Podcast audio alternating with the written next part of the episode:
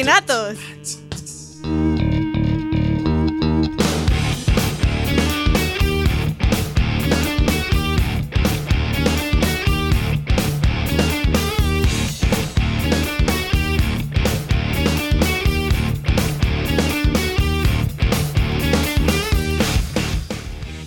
Molt bona nit i benvinguts a Obstinatos. No sé si avui Pedro hauria de dir Obstinatos o algo así un Sí, poco. no, como enojado. Una mica més con- chungo. Sí, no sé, yo, yo me siento iracundo, me- Ira. pero en, en algún momento voy a estallar. Ai, ai. Y esto va a salir mal. Miedo me das. Mi- sí, no, no, Miedo me das. no, no me provoques. No, no, no, avui no, avui no, perquè a més a més tens uns aliats de, de lujo. Sí. O sigui que, bueno, abans que res us presentem a l'altre aliat de lujo que tenim. Pablo Bustamante, bona tarda. Bona nit, Hola, estàs? buena nit Jordi, buena nit Pedro. ¿Estás nit. enojado també o no? Sí, de hecho, se siente en mi voz un odio tremendo. Os odio un poquito, pero Sí, con amor. Sempre has tingut això, eh? Aquesta Odio veu que, que et caracteritza tan odiosa. Si no puedo eh, odiar de otra manera. Con Así amor. Odias con amor. Odiar con amor. Joder. Bueno, me recuerda un- una, una- una canción escatológica de Calamaro, ¿no? Como, no sé si se puede decir algo así Sí, aquí, se puede, se puede. pero dice, me cago en todo, pero me cago en todo con amor. Ahí lo dejo. Sabias Bé, palabras del señor Bé, Andrés. Sí, li anava, li anava a contestar amb una cançó d'Albert Pla. Però això ja ho farem en un programa que parlem de... De escatología. Escatología y- exacto. y música Necesitem un o- programa especial. Si y parlem de puede, l'Albert se puede, Pla, mare meva. Sí, algo farem, algo farem. Um, Pedro, jo sé que has estat tota aquesta setmana investigant tot el món de, de l'odio i d'aquesta energia negativa xunga que portaves a dins. Sí, que además se- me sale por, por no poder ir a jugar el fútbol, que tú sabes que soy muy futbolero. Sí. Y he dicho, sí, mira, bueno. eh, me, vengo, me pongo a escuchar eh, cánticos de la gente que a lo mejor me encuentro, me identifico. Y bueno, y como el programa ha quedado un poco claro, no, bueno, no sé si habla- no sé si la gente lo tiene presente, pero que el programa va de odio, no de mierda. Eh, Gracias, Pablo, por tus aportaciones. pero, pero sí, sí, el programa de hoy eh, va sobre el odio y yo me fui a mi computador Vale. y me puse a buscar cánticos de gente odiando y, y el fútbol, mira, a mí con todo lo que me gusta logra sacar eso de la gente y para bien o para mal, no sé si como de una manera catártica, diría que más mal que bien porque a- a- a- de ahí se puede sacar una ola y de, de historias en las que hay mucha violencia y mucho, mucho caos. Eh, la música sí que es protagonista de esa violencia y de ese caos Ajá. en los estadios, en fuera de los estadios, cuando, cuando son días de partidos importantes. Y ahora quiero que escuchemos algo y ya lo comentamos y, y les digo de qué va. Dale.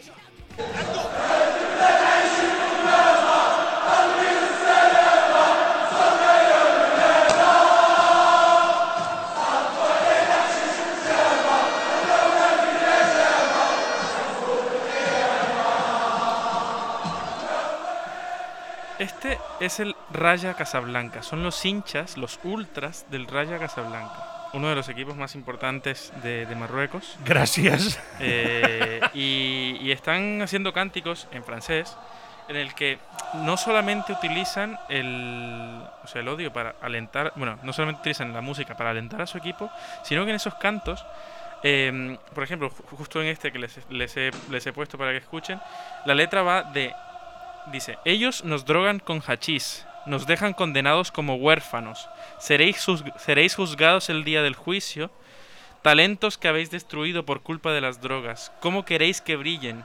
Y se lo habéis dado a los extranjeros, habéis destruido toda una generación, habéis matado la pasión, habéis empezado la provocación. Esto, 45.000 personas cantándolo en un estadio en un día de clásico en Casablanca, Marruecos. Clar, contra un equip, no? O sigui, con, Sí. contra 11 tios que després hauran de jugar sí. allà. Wow. Que xungo. Sí, es, Em es- flipa molt, però, la musicalitat, eh? Sí, Sí, de un hecho, que eso, eso hostia. iba a decir, es un odio muy bien afinado. Sí, sí, sí, perfectamente odio afinado. así. Y luego si lo ves, o sea, es aún más impactante porque es toda una mole de gente Claro. eh, cantando. Y bueno, con eso introduzco el tema de hoy. Pablo. Odio introducido. Odio introducido, sí, desde luego. Hombre, a mí me, me- me parece interesante, tú has dicho la palabra correcta, es una catarsis. Y mirad que aquí se aprovecha el fútbol para lanzar una proclama en, can- en- en- a manera de cántico de algo que no tiene que ver con el fútbol, sino con otra cosa. Es Y hoy vengo a hablaros de algo muy similar, Mm. de hecho, porque vamos a hablar nada más y nada menos que de la maquinaria propagandística más sofisticada, diseñada básicamente para odiar. Y vamos a hablar sobre el nazismo. Mm. Y justamente tiene algo que ver porque el nazismo se sustenta en, en- en- en ideologías políticas eh, represivas, pero también donde había un objetivo, que era qué había que amar o qué había que escuchar o qué había que ser para ser un buen alemán, y por otro lado, qué había que odiar para también ser un buen Ah, no, alemán. Y la famosa frase, no nada une más a la gente que un enemigo común. Correcte. Exactamente. Y te diré otra frase más, que esta viene de Misterioso Asesinato en Manhattan, la famosa película de Woody Allen, en la que él sale de la ópera diciendo no puedo escuchar por mucho tiempo a Wagner porque me entran ganas de invadir Polonia. Mítica. Con esta, con esta frase vamos a comenzar a hablar de una exposición que se hizo en el mes de julio de 1937 en Berlín. eh, una exposición llamado Arte Degenerado, en la que, digamos, se hizo, se expuso eh, y se describió todo el arte moderno y prohibido. eh, y a dos calles de esa misma exposición se hizo al mismo tiempo otra exposición que se llamaba Arte Heroico. Por lo tanto, mientras que en los aposentos de la gran institucionalidad eh, berlinesa del nazismo se hacía una oda sobre el arte correcto, en otra sala se hacía ot- un- Otra exposición, pero a lo que había sobre lo que había que odiar. Pues y bien, obviamente no hay ninguna casualidad en eso, ¿no? Hombre, está muy bien planificado. No, no nos olvidemos que la, la maquinaria propagandística del nazismo es una cosa sofisticada y estaba diseñada justamente para, No había ningún cabo suelto. sí, para canalizar odios y, y- y amores, vamos, pasiones, al fin de cuentas. ¿no? Al- no algo muy lejano a lo del fútbol que decíamos antes. Bien, la pregunta que estamos o que os estáis preguntando es ¿qué- qué- qué- quién era expuesto en esta exposición? Estamos hablando de arte Efectivamente. degenerado, claro. Ah, i que, i, que si, I que si Hitler decide que tu vas a estar allí, mare meva. Sí, haurà de ser. supuesto. De Ahà. fet, haig d'apuntar que si la féssim ara mateix, doncs eh, ja tinc un parell de candidats del programa que podrien anar eh, com a peces de museu. Eh, ya, bueno, a mí, mira, yo creo que aquí creo que cabrían todos los artistas degenerados y tendrían una voz en este micrófono, porque de hecho nos encantan un poquito. Efectivament. Bien, eh, fueron dos, 112 artistas de vanguardia eh, ex- expuestos en esta exposición. Eh, y ojo, que esto es muy, muy, muy curioso, fue diseñado con un contexto, con una estética caótica y desordenada, justamente para, para transmitir ese mensaje de lo, de lo erróneo y de lo equivocado. Fueron 112 artistas, casi todos de artes plásticas, pero también hubo músicos que hablaremos en detalle sobre ellos. Eh, pero bueno, como, dicho, co- como he dicho, el catálogo de la exposición explicaba que el objetivo era revelar las metas y las intenciones detrás de este movimiento filosófico, político, racial y moral y las fuerzas motrices de la corrupción que les motivaban. Claro, para ellos, para el nazismo, todo lo que, todo lo que olía a bolchevique, todo lo que olía a extranjero o negro o judío, todo esto era propenso a ser parte de esta lista para odiar. Bueno, o, ets, o fas olor de nazi o no ets O nazi. no, fa, o no fas olor. Exacto. O no fas olor. Se'ns se cola l'humor negre en aquest dia d'ordi. Bueno, los el, el nazismo incluso hizo una, una, una justificación teórica, diciendo que el arte heroico simboliza el arte puro, la liberación de la deformación y de la corrupción, mientras que los modelo- modelos modernos desviaban de la norma prescrita por el canon de belleza clásica. Los artistas puros producían arte puro y los artistas modernos, inferiores o degenerados, producían obras degeneradas. Este arte heroico y puro se refleja en esta gran exposición de- del gran arte alemana, eh, inaugurada un día antes en la exposición que, que- que os decía que allí estaba todo, todo el arte. ¿Cuál era el, mo- el- el- el, digamos, la estética? La estética era muy neoclásica, vamos, el estilo que a Hitler Le le, agradaba. Bien, aquellos tildados de artistas degenerados evidentemente fueron sujetos a sanciones. Esto incluía ser despedido de posiciones en la docencia, fueron prohibidas sus exposiciones, incluso vender sus cuadros estaba prohibido, aunque luego se sufragaron, perdón, se, se, se, se vendieron algunas obras de arte degenerado para sufragar gastos de la, de la maquinaria nazi, que esto no lo cuentan tampoco, o no lo cantaban, ya luego la historia lo, lo, lo, lo ha dejaban en sabido descubrir, exacto. Bien, entremos en la lista. Pintores, Otto Dix, Max Ernst, Paul Klee, Matisse, Picasso, Cézanne, Van Gogh.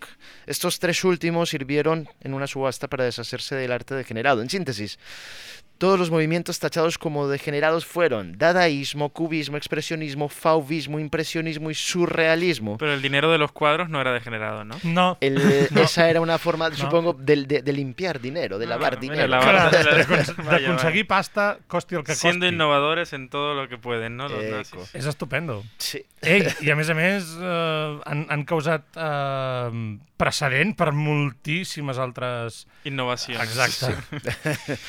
Total. En cuanto a la música, hablemos de música. El gobierno nazi consideró, degenerados determinados tipos de música por diferentes motivos. En general, pues porque se oponían a los fundamentos de la ética y la moral en virtud de su contenido o la afiliación política o racial de sus compositores. Ello incluye las obras de compositores judíos, pues de origen judíos, en este caso, pues incluso eh, clásicos como Félix Mendelssohn, que ya tenía un lugar en la historia, pero fue removido temporalmente, porque luego volvió a su centro. Gràcies Arnold, a exacto, Arnold Schoenberg, Gustav Mahler. Es decir, eh, también entraban las que incluían personajes judíos o de origen judío africanos, eh, como esta obra que escucharemos de Ernst Krenek, en la que es una ópera permeada por toda la vanguardia norteamericana y donde su protagonista Johnny era un afrodescendiente. Una ópera alemana cuyo protagonista era un afroamericano y suena así.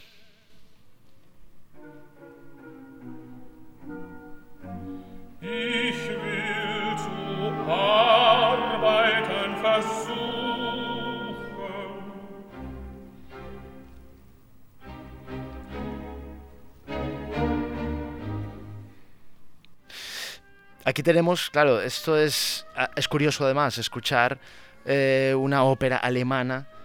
Estamos hablando de, de el año, bueno, pues, 1930, en la que pues, un- protagonista era de color. Esto para la época ya marcaba incluso...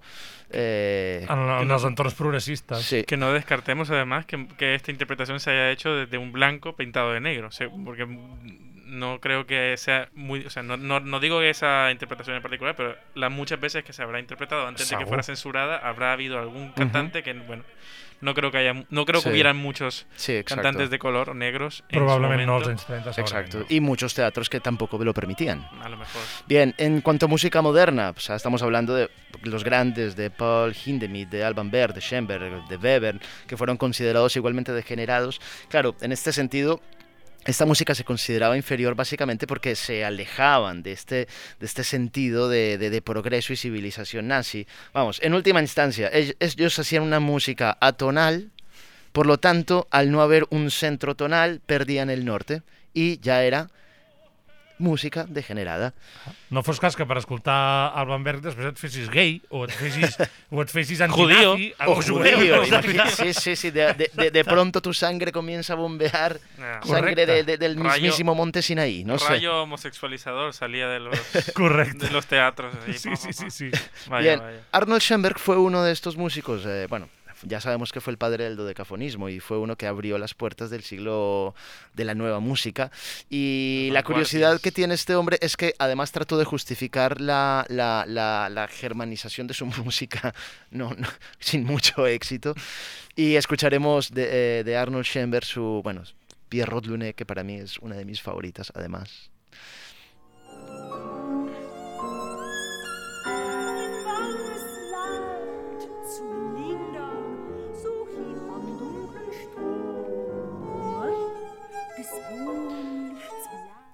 Bien, y finalmente, pues tenemos una de las grandes músicas eh, sesgadas por, por la, por la historia, no solamente en Alemania, sino en muchas partes del mundo, es el jazz.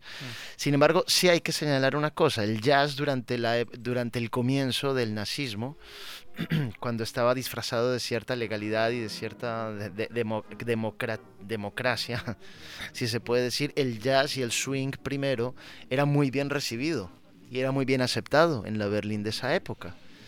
Claro, Luego- porque a lo mejor se basaba en el, en el principio de que eran negros divirtiéndote en, el, en la fiesta, ¿no? También. Porque el, el swing en gran, en gran medida se empieza a comercializar, tanto en Estados Unidos, pero principalmente en Europa, como la idea de tíos negros exóticos divirtiéndote en tu fiesta y en tu baile de salón. Claro, y básicamente también porque no era una música nacional. O sea, si, eh, si- si no es mi música nacional, es permitida si, si, de- si divierte o entretiene, pero en el momento en el que Estados Unidos eh, se manifiesta en contra del nazismo, aquí es donde Alemania comienza a ver un peligro en las manifestaciones artísticas y ya simplemente en unas ganas de vamos a odiar esto porque es lo que toca. Así que lo que vamos a escuchar ahora y lo que estamos escuchando ahora es Der Strotzkopf, que es un swing que se escuchaba en Berlín en los años 30. Y mirad lo- la, ama- la americanización del lenguaje. Esto fue permitido e inmediatamente después fue Censura. prohibido.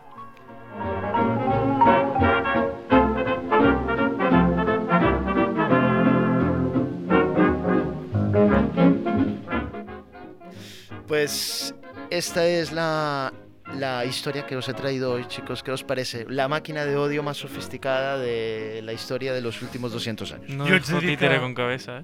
Sí, exacte, eh? I jo ets a dir que dintre del meu top 10 particular d'odiadors i de màquines d'odi, aquests estan molt amunt. Aquests estan molt, molt amunt. Yo creo que lo, lo han, se, se han esforzado Sí. para estar ahí en el top 10. Esa- ¿eh? exacto. Yo diría que en el top 3 incluso. Sí, sí, de fet, sí. Sí, sí, el top 3 està barallant amb el capitalisme i quatre coses més. y, la- y la iglesia de no sé qué época. Pero bueno, ya aquí a lo mejor hablamos de más y chao. Sí, a, a veure si tindrem problemes d'odio amb altra gent. No, no, no, no. Nosaltres no ho diem. Um, Pablo, moltíssimes gràcies per les aportacions que, que ens fas, que sempre són com un volcat de, de cultura i conocimiento i, Un i, plaer i compartir. Un plaer compartir amb vosaltres. I molt bona nit i, bueno, nos odiamos, pero con amor. Exacto, nos jodiamos. Eh, yo te odiaré un poco si sigues diciendo esta mierda.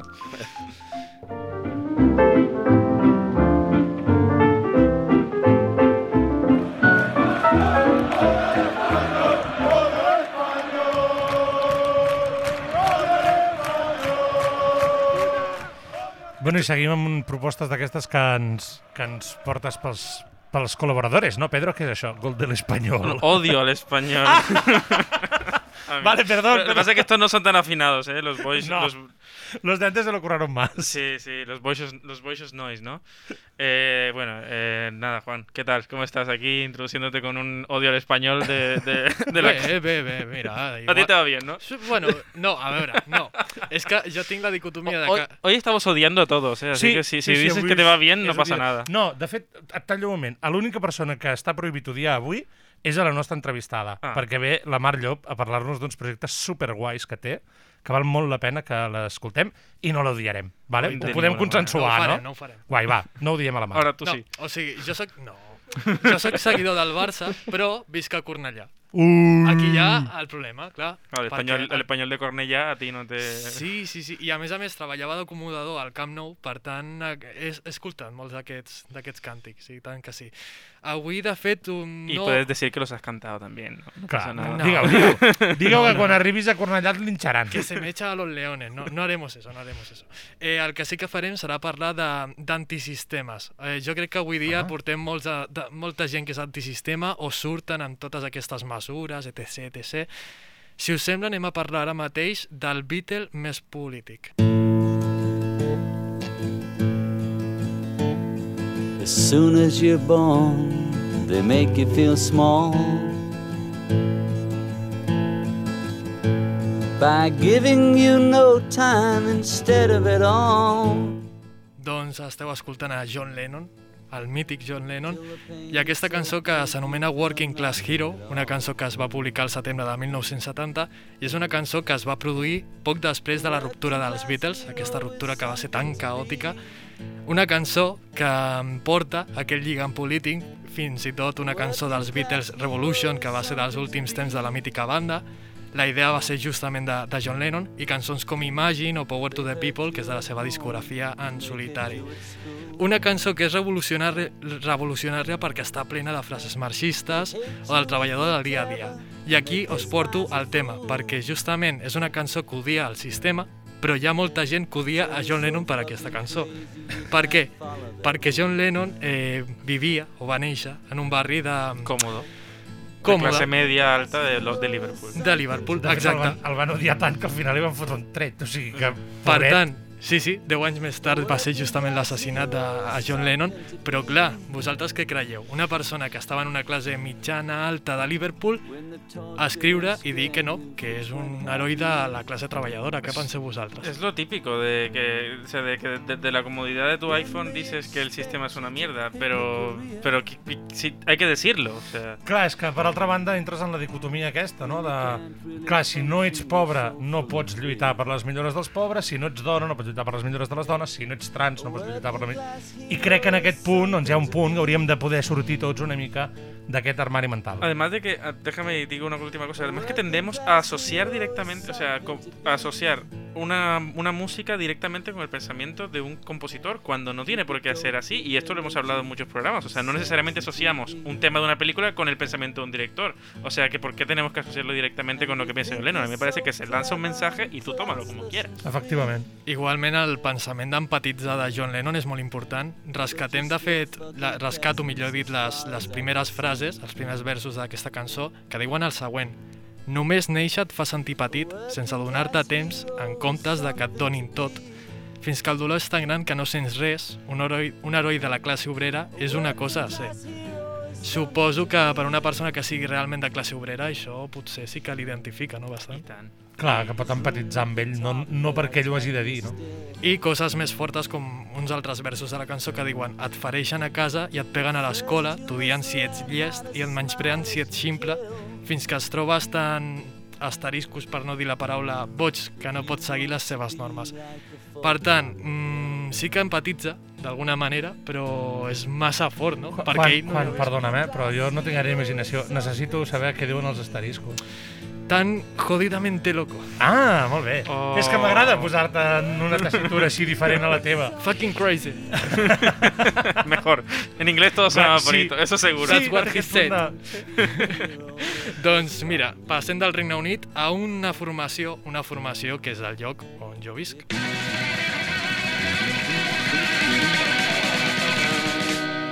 ¡Ciudad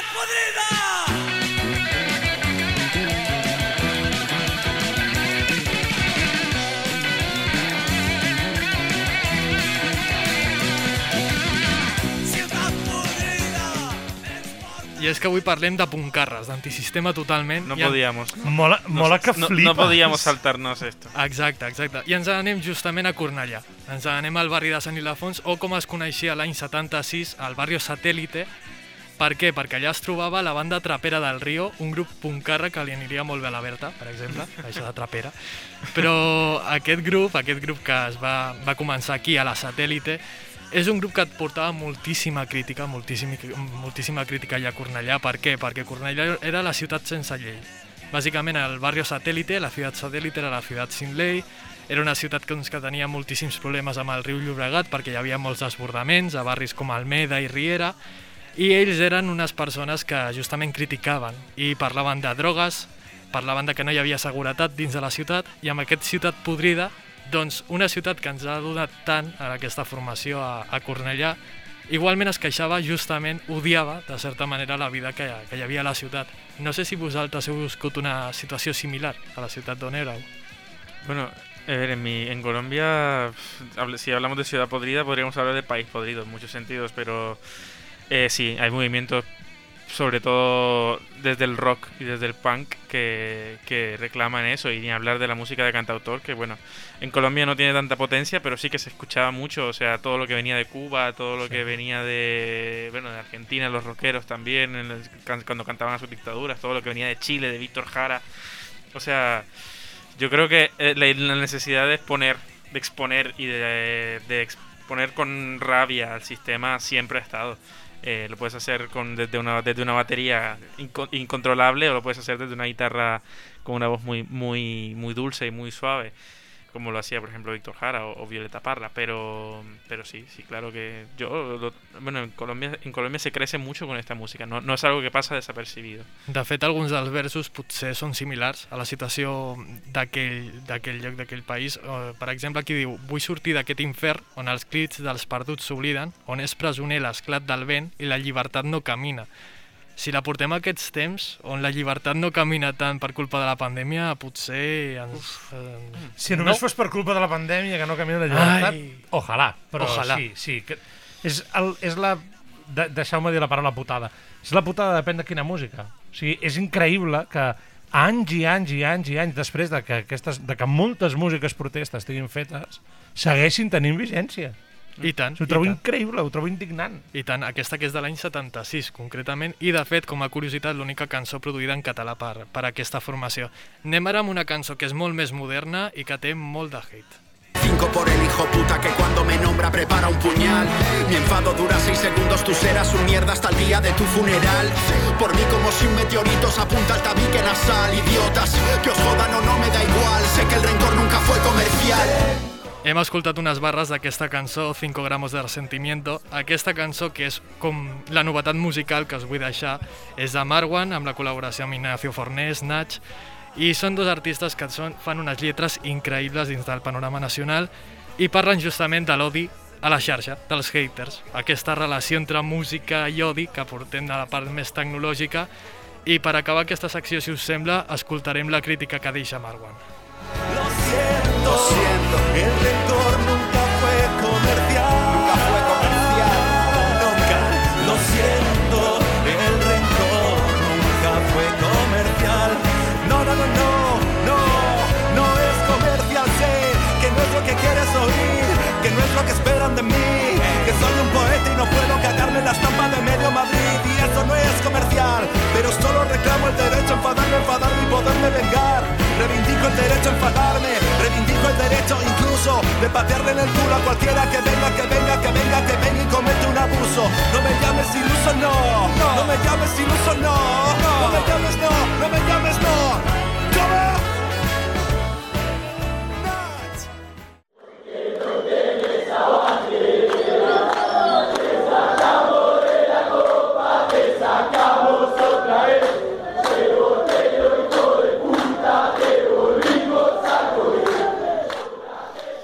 Y este cántico es de la final, o sea, salió de la final de River Boca, no sé si, bueno, sonó, fue conocimiento general cuando eh, se estaba jugando la final de la Libertadores, que era el del famoso clásico argentino, que es como si jugara el Barça Madrid, la final de la Champions, pues bueno, se jugó la final de la Libertadores River Boca y en el partido de vuelta los hinchas de Boca, bueno, los hinchas de River le, le tiraron gas al estadio, al bus de lo de Boca, bueno, se, se canceló el partido y tuvieron que venir a jugar a Madrid, la, la final de la Copa Libertadores de América. Tócate los cojones. Perquè es, es mataven a hòsties. no Perquè m'arriscaria se a parlar de la lletra, eh? perquè cop, si abans he confós gol con, con no sé què...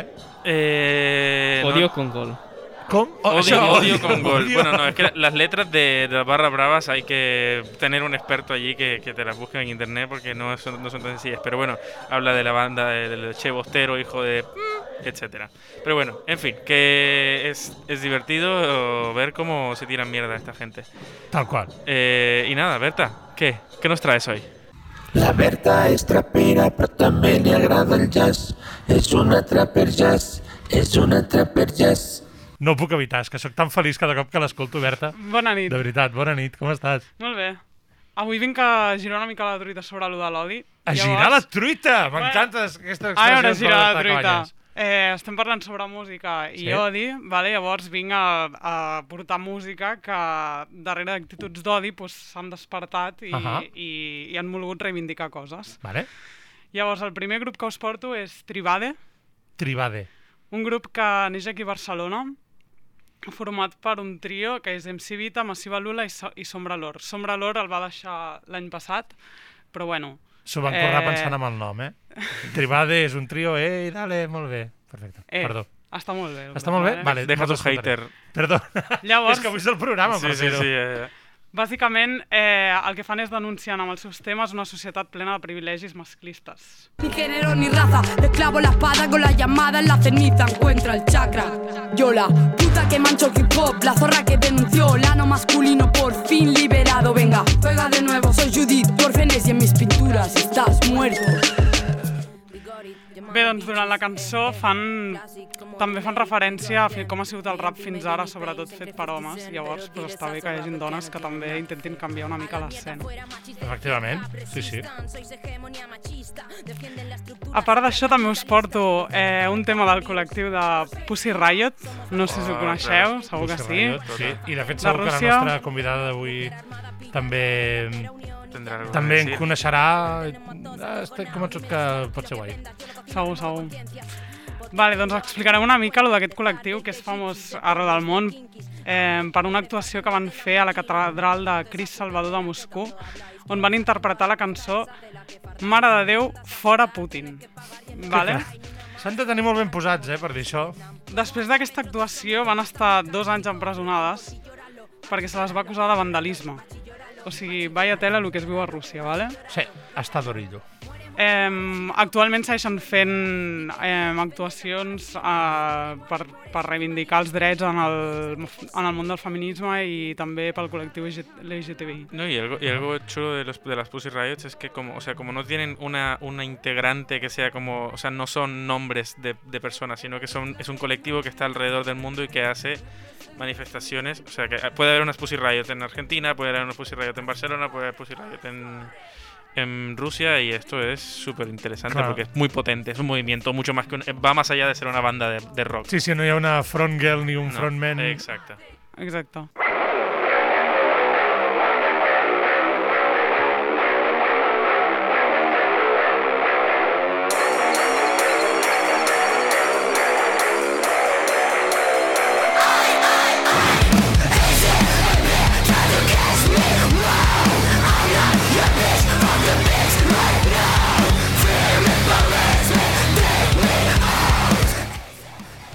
Bueno, com veieu, m'he anat una mica del que porto actualment, però també està molt guapo el tema. A més, es diu 13-12, que com sabeu vol dir a cap. A cap, exacte. All cops are bas bastards.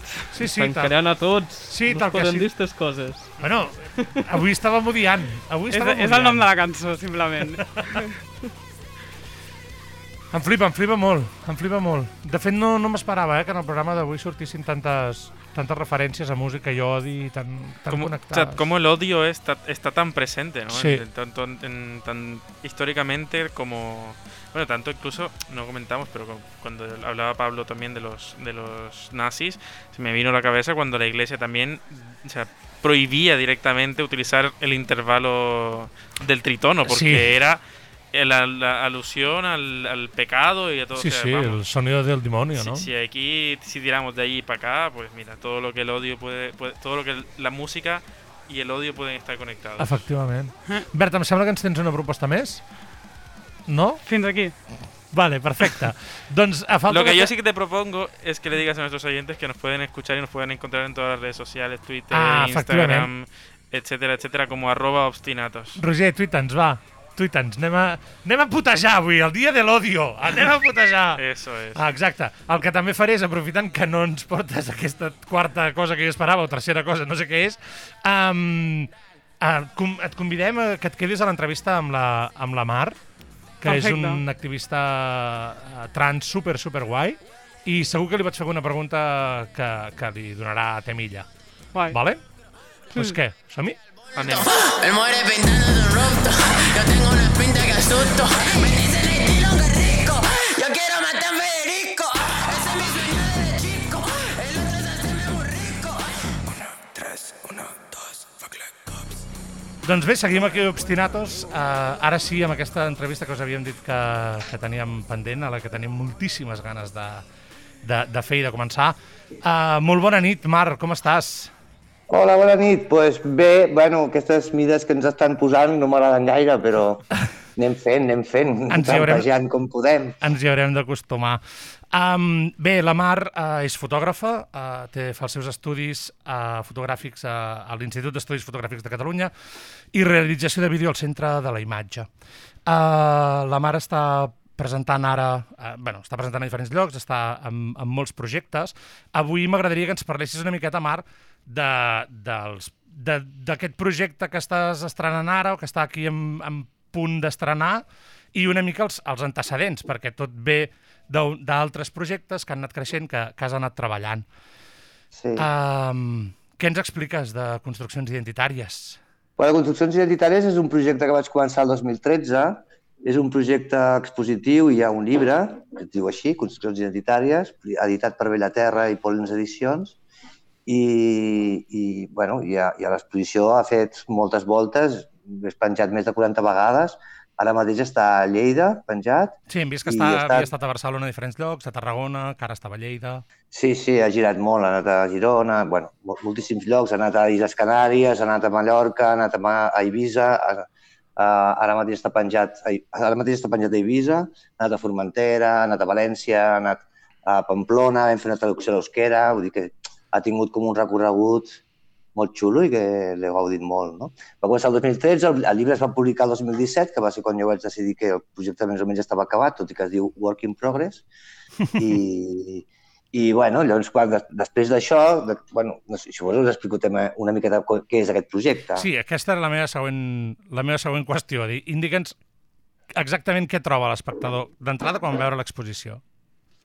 Vale, doncs el Construccions Identitàries és un projecte que parla de persones trans, que té quatre apartats o quatre línies de treball. Una és conceptes, on explico una miqueta...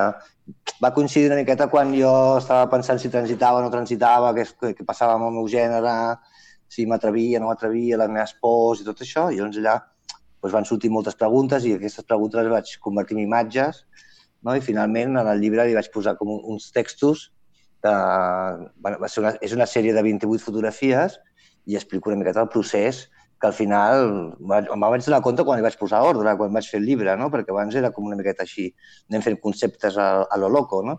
però quan vaig fer el llibre doncs, em vaig donar compte que anava doncs, una miqueta des de l'armari, les pors, la sortida d'internet, jo tinc una edat, no? no teníem informació, jo buscava informació sempre, no trobava informació que, que m'agradés, i, i després ja arriba doncs, una miqueta als activismes, el hormonar-se, a la gent que supera, eh, i, i bueno, una miqueta doncs, el, el camí aquest no? d'un trànsit. No? Ahà. Després hi ha una secció que es diu persones, que són persones que s'han exposat amb imatge i amb veu. No? Le- le- Les mateixes persones han escrit un text Mhm.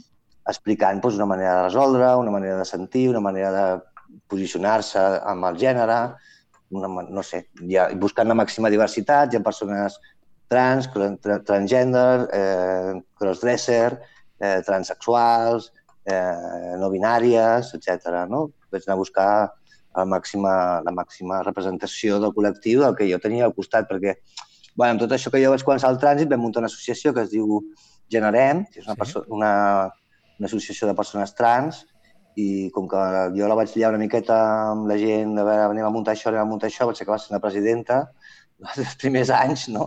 I vaig conèixer moltíssima gent i, i la gent es va anar oferint a, a participar-hi, no? Haig Tot de- el projecte va...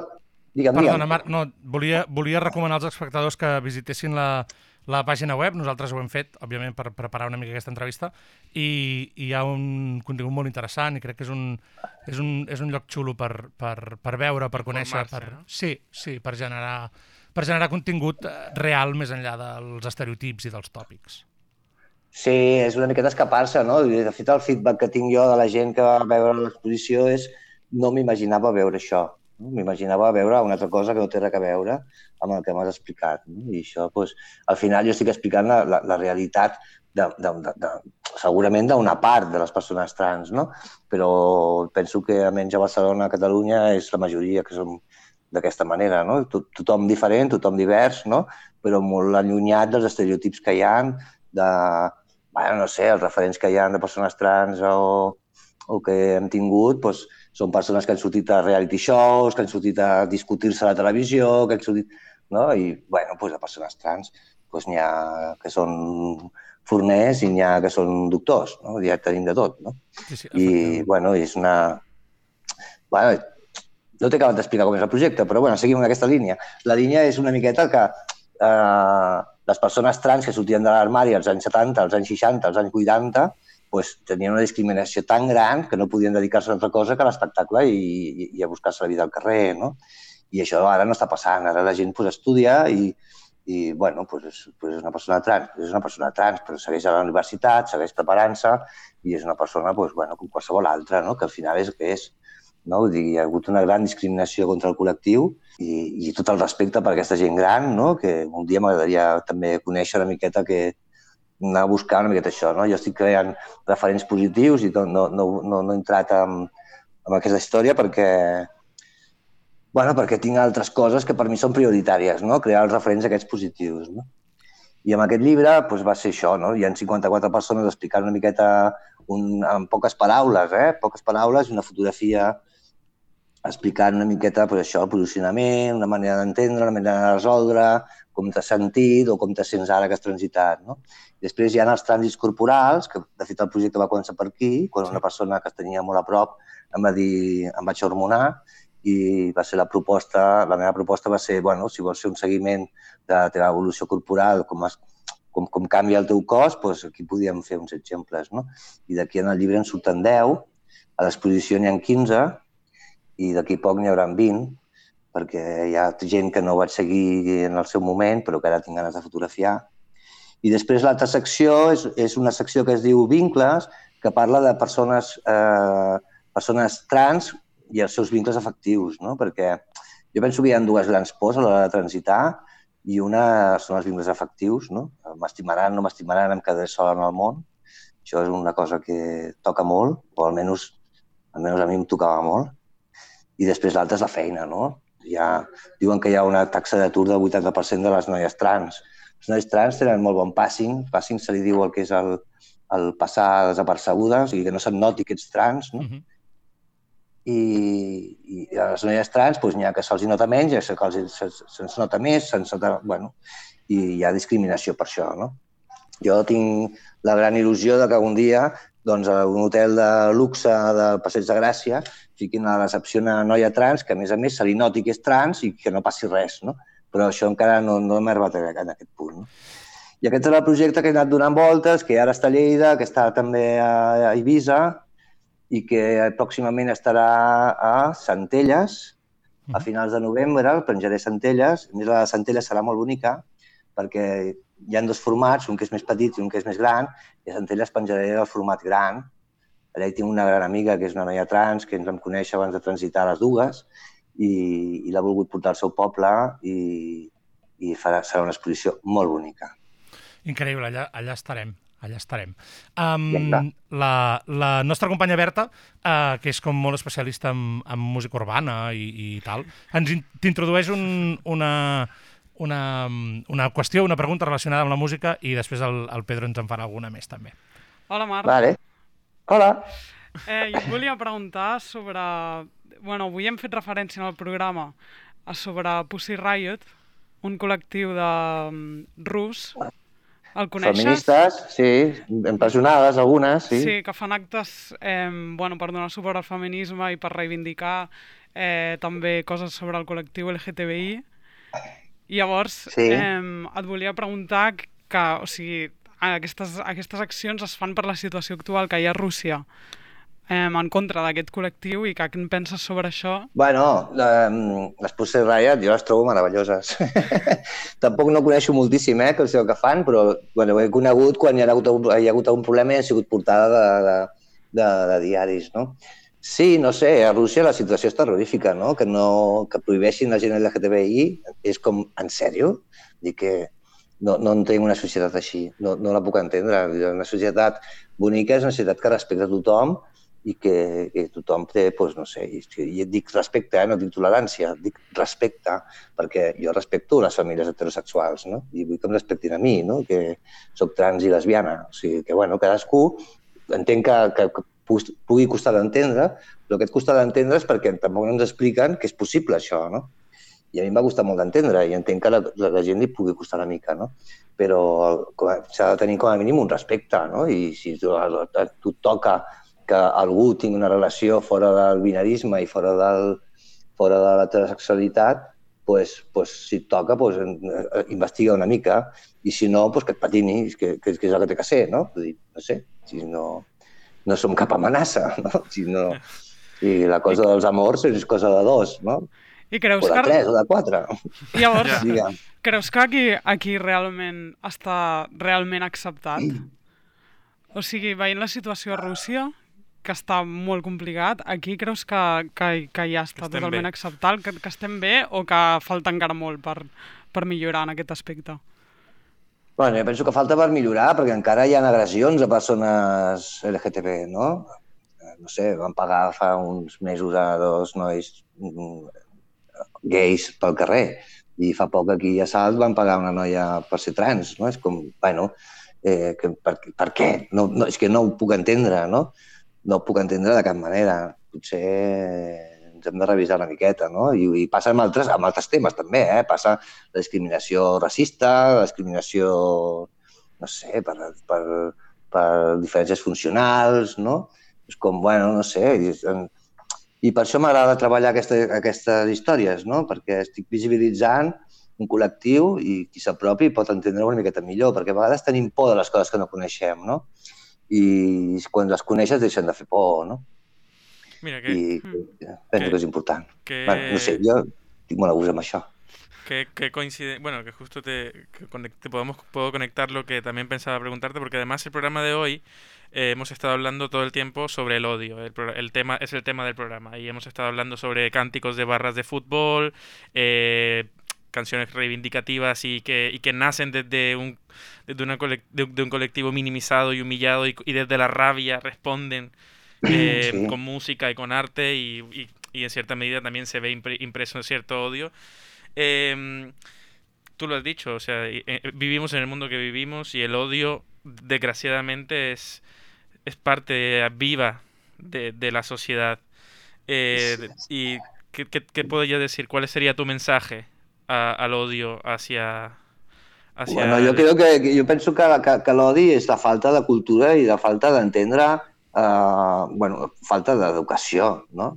Directament. O sigui, no, no, una persona que estigui una mica il·lustrada pues, no, no entenc que pugui tenir odi per, per, per, per jo què sé, pues, o sigui, al contrari, no? Jo veig una persona immigrant sense papers i penso, hòstia, quina putada, no? i, i, i- una persona racialitzada que la tractin de segons quines maneres, doncs també, no? I una persona trans, doncs també, una persona gay o lesbiana, doncs també, no?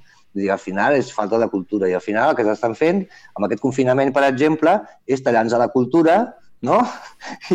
I, i, i, i, i anar retallant per aquest costat en lloc d'apoyar i, i, i donar suport a aquestes històries, no? I penso que donar suport, a, donar visibilitat a aquests col·lectius des de la cultura és, és un, bueno, és una via molt bonica perquè ja no t'estan explicant històries, no? I no, no, no, no, no t'estan donant una classe de que no pot ser que discriminis perquè la persona aquesta és trans o és negra o és eh, immigrada sense papers, no? I al contrari, ens hem de posar a, les, a, a lloc de les persones i respectar els recorreguts de les persones i a partir d'aquí, pues, no sé, intentar conviure, intentar ajudar-nos uns, a- altres, no? Claro, cuando, cuando es lo que decías, ¿no? Cuando, cuando, te, cuando te educas, eh, te, te es fácil ponerte en la posición del otro. Cuando te pones en la posición del otro, entiendes lo que vive, lo que sucede, por qué lo vive y por qué sucede, y así es muy difícil odiar. Pero bueno, hay gente que definitivamente no, no está dispuesta, ¿no? A ponerse del otro no quiere lado. de- aprender, no? Bueno, pues, eh, hem d'insistir per tots els mitjans, no? I, I un és la fotografia, l'altre és el cinema, l'altre és el teatre, l'altre és la televisió, i l'altre seran els diaris, i l'altre pues, seran les lectures, la literatura, i l'altre serà la poesia, La i l'altre seran les lleis, que també ens ajuden molt que, bueno, sobretot ens ajuden les lleis, no? Eh, A que muchas veces diu, las "Ostres, leyes que se- et posaré una multa si fas això, no? Sí, ya. pues també, no? Que les lleis protegeixin els Muchas veces las leyes están mucho más adelante de lo que estamos, de lo que estamos nosotros como sociedad. Eso sí. Bueno, però les lleis, les lleis eh, la, la majoria de les lleis que surten així antidiscriminació, ara hi ha una llei al Parlament de Catalunya que, està, que, que ja porta tres anys donant voltes i que i és la llei antidiscriminació en general, no? O sigui, no, ja va sortir la llei 1114, que és la, la llei de, contra la discriminació, contra la violència de les persones LGTB, no? I, i aquesta doncs, serà un complement que ajudarà molt perquè al final doncs, no és el mateix que tu insultis a una persona pel carrer per ser X i no passi res, que insultis a una persona al carrer per ser X i et caigui una multa, Ja. no? O si fas una agressió, doncs és, si és un delicte d'odi, que li diuen, no? pues té, té, té, un agravant que pot fer que pues, aquesta persona, pues, pues, si hi ha una agressió important, pues, pot acabar a la presó. O sigui que, I si no fos així, pues, no acabaria a la presó. No? Llavors penso que les lleis estan, estan, estan protegint els col·lectius minoritaris, però estan protegint els, lleis- les, els col·lectius minoritaris perquè hi ha una gent activista darrere que està reclamant que passi això Que no para, ¿no? Hi ha les associacions LGTB que estan treballant, hi ha les associacions antiracisme que estan treballant, etc etc. no? I penso que bueno, hi ha una miqueta pues, hi ha aquest circuit, no? que a vegades depèn quins governs no, fan, no ens fan gaire cas i depèn quins governs ens fan una miqueta més de cas, costa molt canviar les coses, costa moltíssim canviar les coses, no? La llei 11-14 ja ho diu, des del 14 i encara no està acabada d'implantar, no? perquè té uns problemes, uns flecos, perquè, bueno, perquè, no, perquè costa molt que la maquinària de l'Estat eh, adopti i posi en pràctica aquestes lleis, no? Però, bueno, però allà està, i mica en mica es va desenvolupant, no? Ojalá que así sea. Y bueno, ya para acabar, eh, te quiero hacer una pregunta. Obstinatos es un programa de música y, y, que- y creo que es algo que, que- que me, me interesa saber. ¿Qué, qué, te- qué música escuchas? Oh, ja, ja. Mira, jo porto un lío amb la música molt important perquè m'agrada molt, però des que va sortir l'Spotify això és un rotllo perquè tinc molta música, tinc llistes que tenen 26 hores de música i, i, i no acabo de saber mai de qui és la música, en no tots els casos, eh? en alguns casos sí. Jo... Te, vols que et digui un grup o una cançó? Què O una lista, por ejemplo. Si, si te buscas el Spotify, ¿qué sería lo ahora mismo si te vas a escuchar música luego de hablar con nosotros, ¿qué sería lo primero que te pondrías? Ai, ai, ai, ai, ai. Posaria, posaria, obriria l'Spotify, escoltaria les recomanacions setmanals, això sí, sempre cada setmana, perquè com que tinc totes les llistes, l'encerten bastant, no? Però igual em posaria una cançó que es diu Zubi Zubi Zu, que fa Zubi Zubi Zu, Zubi Zubi Zu. Mar, de fet, crec que, que després of the records et demanarem que ens enviïs una llista de reproducció de Spotify uh, perquè Ah, la compartirem al nostre perfil de- d'Obstinatos de, Spotify. Uh, per tant, Ah, acabarem de- d'indagar dintre de, del, te, dels teus gustos musicals, o si més no, dels que ens has enviat. Però sóc molt eclèctica, eh? Vull dir que tinc rock and roll dur, tinc rock, tinc eh, eh, super soft, m'agrada dansa contemporània, tinc coses molt abstractes, tinc, tinc moltes llistes i molta música i m'agrada molt viure amb la música, inclús he tingut un grup de rock and roll. Wow. O sigui que, bueno, que, Com- que sí, la música viu en mi. Com deia, com deia el Pablo, Obstinatos som una tertúlia musical, per tant, tenim la ment bastant oberta, crec jo. Sí, sí, no, no, Malgrat tot- no malgrat tendremos tot- problema con nada. Y an- antes, por el contrario, nos, nos gusta la idea de, de- Descubrir. de la diversidad musical en nuestros invitados. I, de fet, si hi hagués algun tema que no ens quadrés, ja et tornarem a trucar perquè ens ho Sí, expliquis. jo, bueno, hi ha, hi ha una persona que m'estimo molt que em diu que, que el Zubi Zubi Zu em defineix molt bé. Ah, mira. Zubi Zubi Zu, Sofia Loren i Peter Sellers, que no és l'original, eh? L'original és d'una noia francesa anterior. Però bueno, aquesta versió està molt bé. Si la voleu posar, serà fantàstic. Mar, moltíssimes gràcies per, per atendre'ns, per estar amb nosaltres, per explicar-nos tot això, per fer tota la feina que fas, tu i tot el col·lectiu. Uh, bé, des d'aquí no podem fer res més que dir-vos que si, si voleu un altaveu per a qualsevol cosa, el nostre humil altaveu, uh, òbviament, el, està a la vostra disposició. Moltes gràcies. I, I molta sort, que vagi molt bé les estrenes, que vagi molt bé les, les, les expos en els nous llocs que vagin arribant. Per tant, Molt bé. molts èxits, esperem molts, molts èxits i que ens puguem tornar a sentir ben aviat. Moltes gràcies a vosaltres per fer aquest altaveu i pel convit. Gràcies, que Vinga. vagi molt bé. I bé, doncs ara sí, ja, ja hem despedit a la Mar, uh, despedim-nos nosaltres també, ens veiem d'aquí 15 dies, ens escoltem d'aquí a 15 dies a UAB Ràdio i a Ràdio 4. Moltíssimes gràcies per ser aquí, Berta, Pablo, Pedro i Juan, Roger, i Roger. Juan, exacte, i a tots els espectadors, seguiu-nos a les xarxes i, i ja està, ja està, fins aquí hem arribat. Ens veiem d'aquí 15 dies. Bona nit. Bona Bona nit. feeling. The tune is so appealing.